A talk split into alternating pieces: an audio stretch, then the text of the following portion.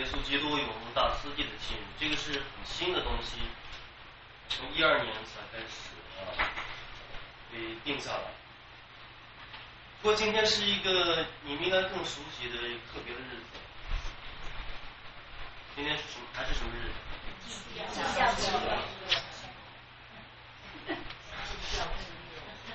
呃，除了这个呢？道路之母。不知道。之母。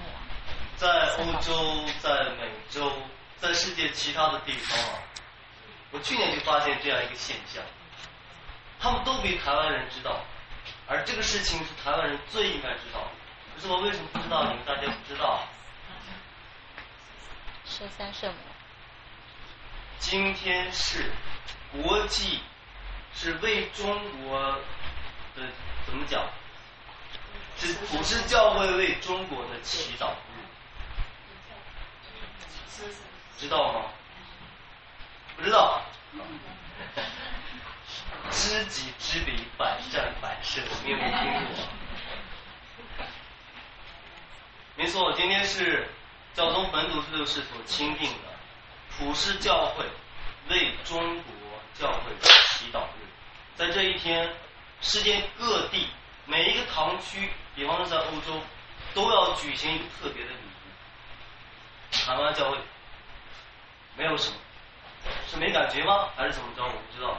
可是你们知不知道，你们为中国大陆祈祷，就是在为自己祈求平安。如果中国大陆哪天不好，你们也好不了，是不是？所以我们而且帮这个教宗在今天你没有看到 video 啊，他亲自啊有一个特别的礼仪为中国教会祈祷，所以这是一个更重要的日子，所以我们今天要特别的为为中国祈祷。如果共产党搞不好，你们台湾搞好不了，小心。好，呃，我们也特别的为台湾的教会，不只是中国，整个华语区的教会。因为台湾也是我们华语区的教会之一，所以我们也特别为我们华语区教会祈祷。我们今天的愿主与你们同在，愿你的心灵同在，共同圣马尔谷福音，舍宴光荣归于你。他们吃饭的时候，耶稣拿起饼来祝福了，把饼掰开，递给他们说：“你们拿去吃吧，这就是我的身体。”又拿起杯来感谢了，递给他们，他们都从杯中喝了。耶稣对他们说：“这是我的血，新约的血，为大众所清流的。我是在告诉你们，直到我在天主的国里喝新酒的那一天，我绝不再喝这葡萄汁了。”以上是基督的福音。基督，我们赞美你。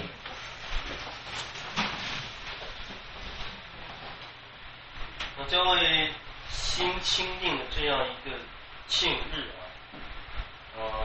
耶稣基督永恒大司祭，也是为了提醒，不只是为了庆祝耶稣基督的司祭、司祭职或者是司祭的行为，那也是主要是为了唤醒这个普世的司铎们，啊，我们这些司铎们应该有的生活，也是为了祈求更多的圣召。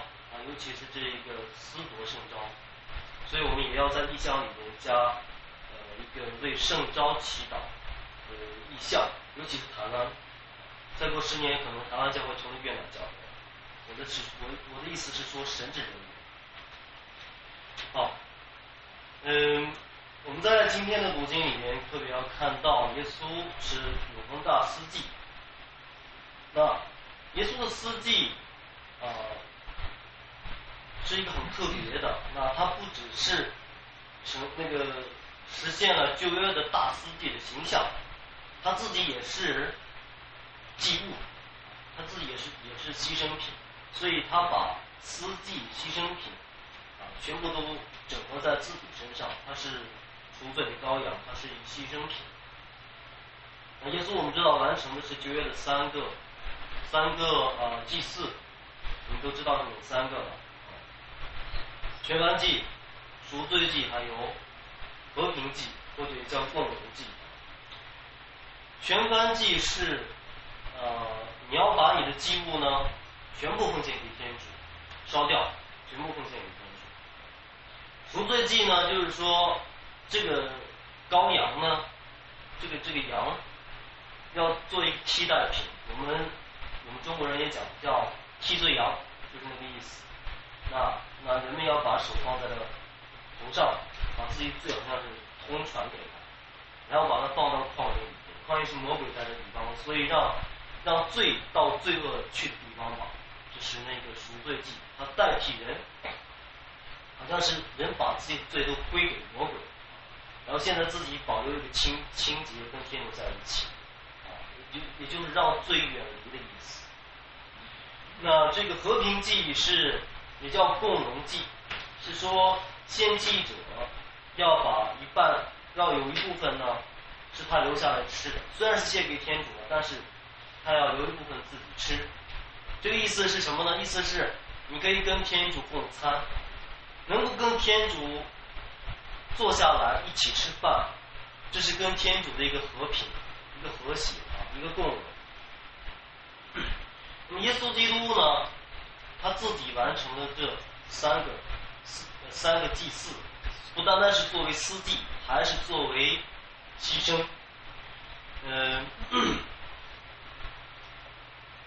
我们要知道，那呃，在教会里边，不只是神职人员领受了司祭职，我们的司祭职称为公务司祭职，是因为服务大家。每一个信友，你们在领洗的时候也领受了。三个职务，对不对？司祭君王和先知职，也包括司祭职。好，那你们告诉我，你们在生活当中怎么实践你们的司祭职？祈祷。啊？为为别人代祷。对。还有吗？有人有人知道，有人不知道吗？别不好意思。我要问教友的时候呢？我一般一般情况下，大部分人是不知道的啊。我不知道你们知不知道，也许你们比较热心了。大部分教友根本不知道自己，不要说去如何执行自己知道，连知道自己有都不知道。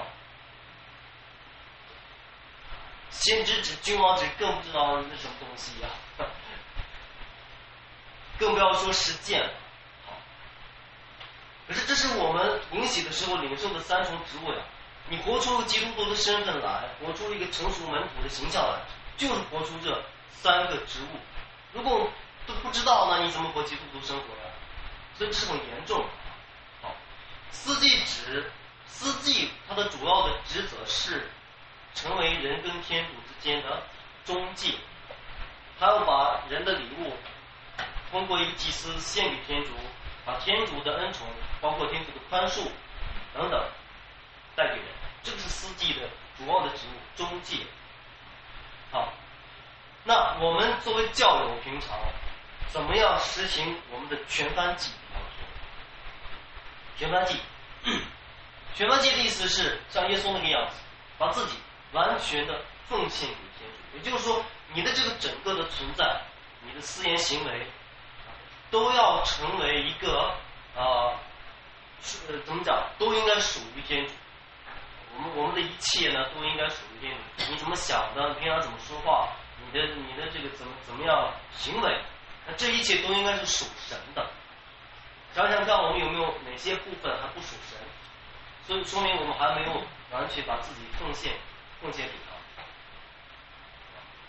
我们讲话的时候，有时候有伤人的部分，思想里面有有有乱七八糟的思想，那这个都不属于天主。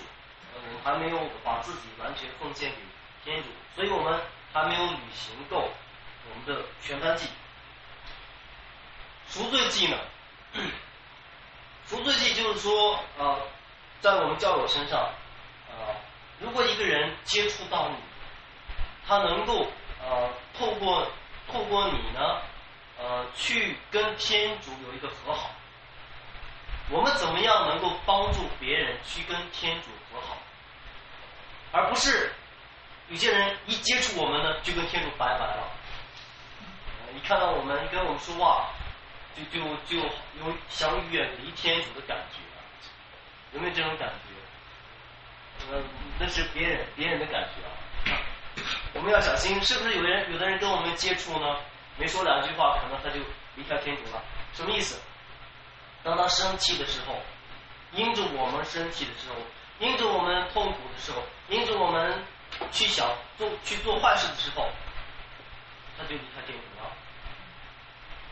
反而我们接触的人虽然都是罪人，都有问题，但是如果他们透过我，透过我们能够跟天主有一个和好，这个时刻我们就为他们举行一个赎罪祭。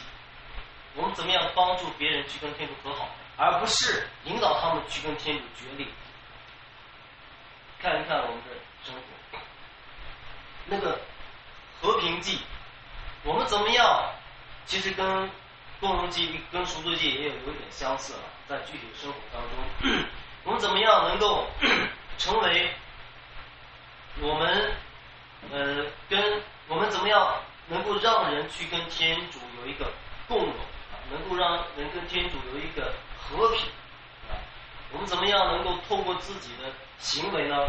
呃，透过跟我们的接触呢，让人接触到天主，也就是说，我们的行为需要反映出天主。我们的行为，我们自恋行为都应该反映出天主的面貌来。这个这个怎么样做不到？这这是四季制。其实我们四季制主要在哪里履行？